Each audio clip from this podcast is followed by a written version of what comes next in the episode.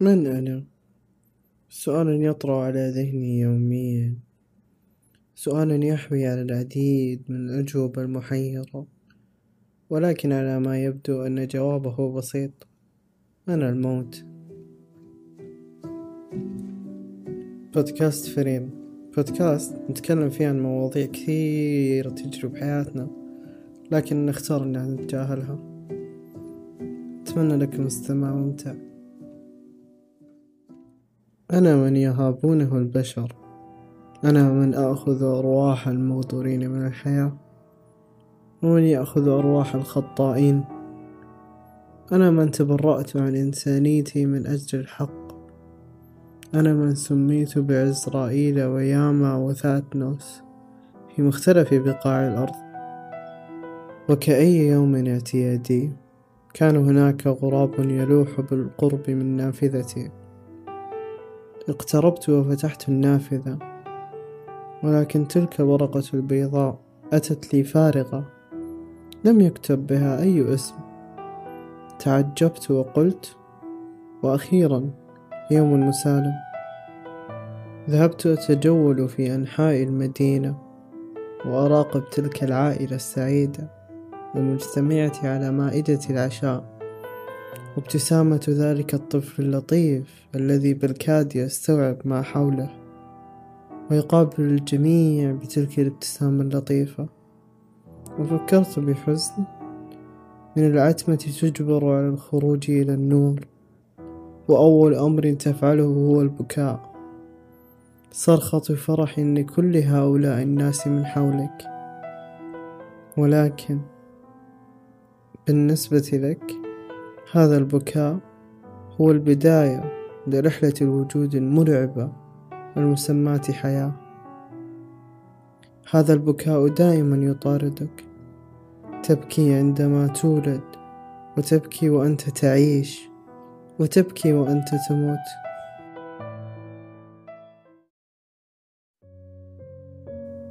ثم أكملت طريقي إلى أن لفت انتباهي فتاة.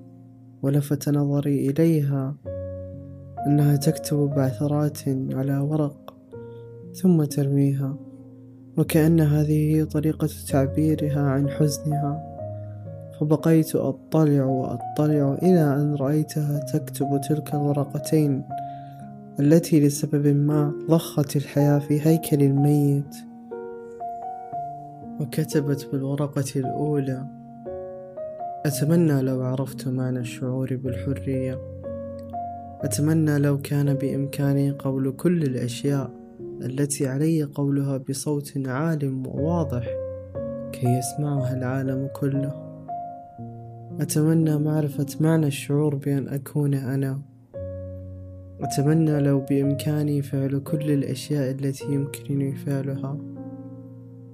وكتبت بالثانية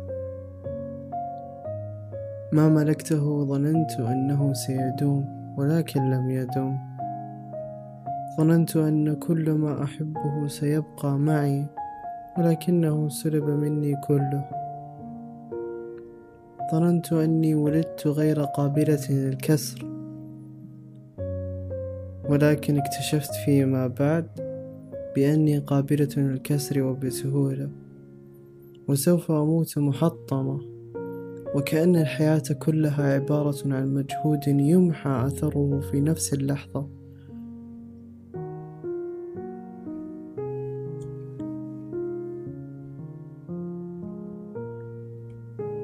ولا شعوريا قررت أن أظهر نفسي ولعله كان القرار الخطأ لأن فعل ذلك تسبب في اختبائها تحت ملاءة السرير لعدة أيام في الليل. ونعم. هي أول بشري يثير اهتمامي منذ فترة طويلة. لم لا تزال تتمسك بالحياة بالرغم من ضمور رغبتها وروحها وظلمة حالكة في وعيها. فقدت كل ما له صلة بها. ومع هذا خيط وجودها الرفيع لا يزال متماسكا.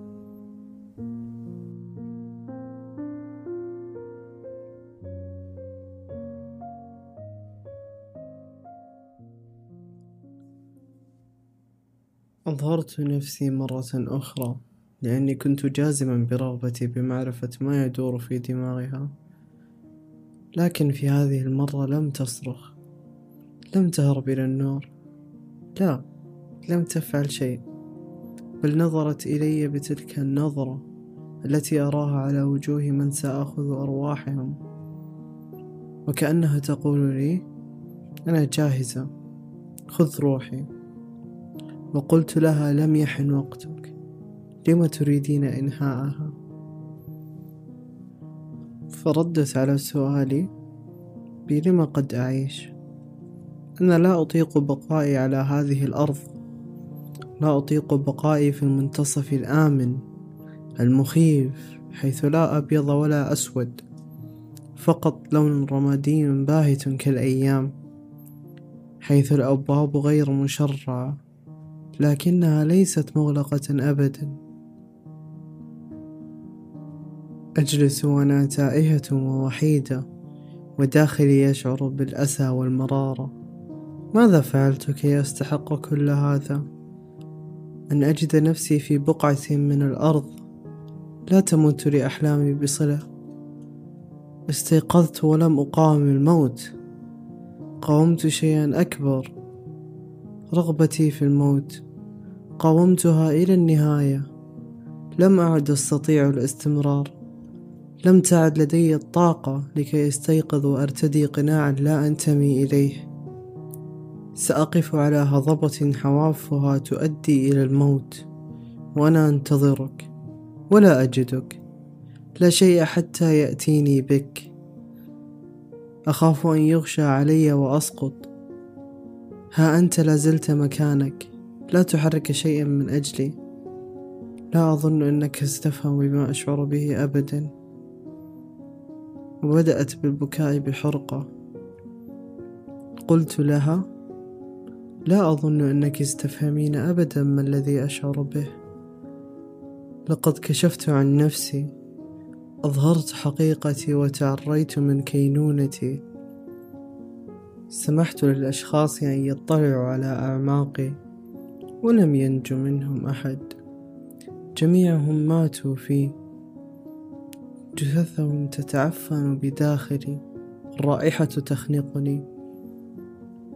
مقبرة أنا. ليس لذواتي فحسب. وإنما لكل من يفكر في الدخول إلي. لن أسكن عينا أحد. لن يزور صوتي أذني أحد. لن تصل إليك كلمة واحدة مني. لن تشعر اتجاهي بشيء ولن أدع لك أي منفذ إلي. هذا ليس نسيانا وليس وداعا بل محوا كاملا لوجودي في حياتك. عندما أغلق عيناي تتسرب إلى ذهني الكثير من الشكوك كيف يراني الناس؟ هل أنا فكرة عابرة؟ من أنا لهم؟ هل أنا مجرد وحش مخيف للأطفال؟ أم أني شيء يهرب منه الجميع ولكن عند لقائي أصبح حقيقة تهدم آمالهم.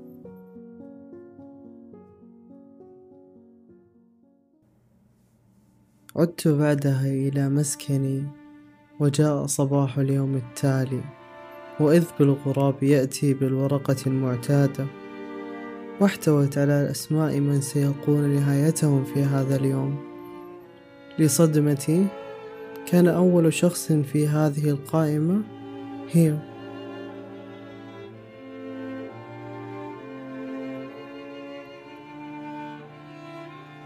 ولأول مرة لم أعلم ماذا تحرك بداخلي. هل أنا أشعر بشيء؟ لا أعلم فلم أشعر بشيء منذ وقت طويل. فذهبت إلى نافذتها ورأيتها لأول مرة مبتسمة. وبدأ داخلها يدب بالحياة. وجهها بدأ أقل شحوبا عن الأمس. اقتربت منها وعيناي ممتلئتان بالدموع دون إرادتي. وقبضت روحها وهي مبتسمة. لا أعلم لما تذكرت هذه القصة بعد مرور أكثر من ألف عام. ربما لأني في نفس المكان في نفس المنزل.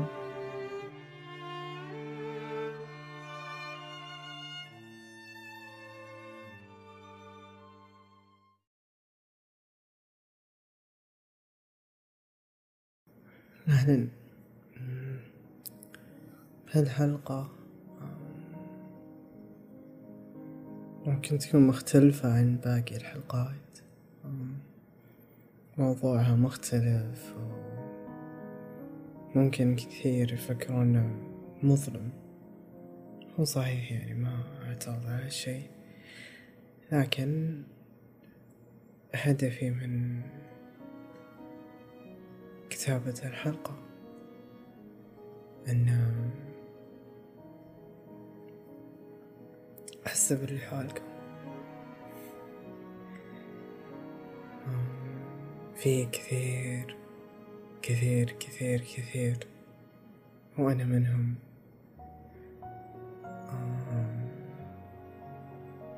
وصل مرحلة من الظلمة يعني. صار إن هالظلم وهالحزن وهالاكتئاب هويته. هالشي مرة مو كويس يعني أبدا مو كويس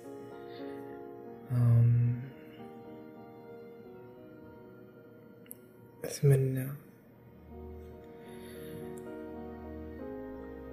أن أي أحد حول أي شخص مجرد تحس إنه يمر بأي شيء أسأله أو أسألي أو أيا كان. صديقك أخوك قريبك طالب بالجامعة أيا كان. صدقوني هالسؤال لوحده ممكن يغير أشياء كثير ويغير مسار حياة كاملة.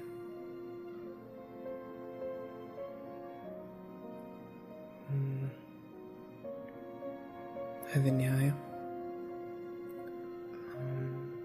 هذا بودكاست فرين.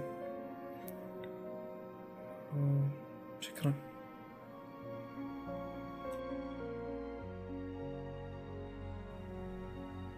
أنا نواف. إذا عجبتك الحلقة لا تنسى تقيمنا وتسوي لنا فولو على أبل بودكاست وجوجل بودكاست وعلى منصات التواصل كلها. أم شكرا على الاستماع. أتمنى عجبتكم الحلقة. وأتمنى لك اليوم سعيد.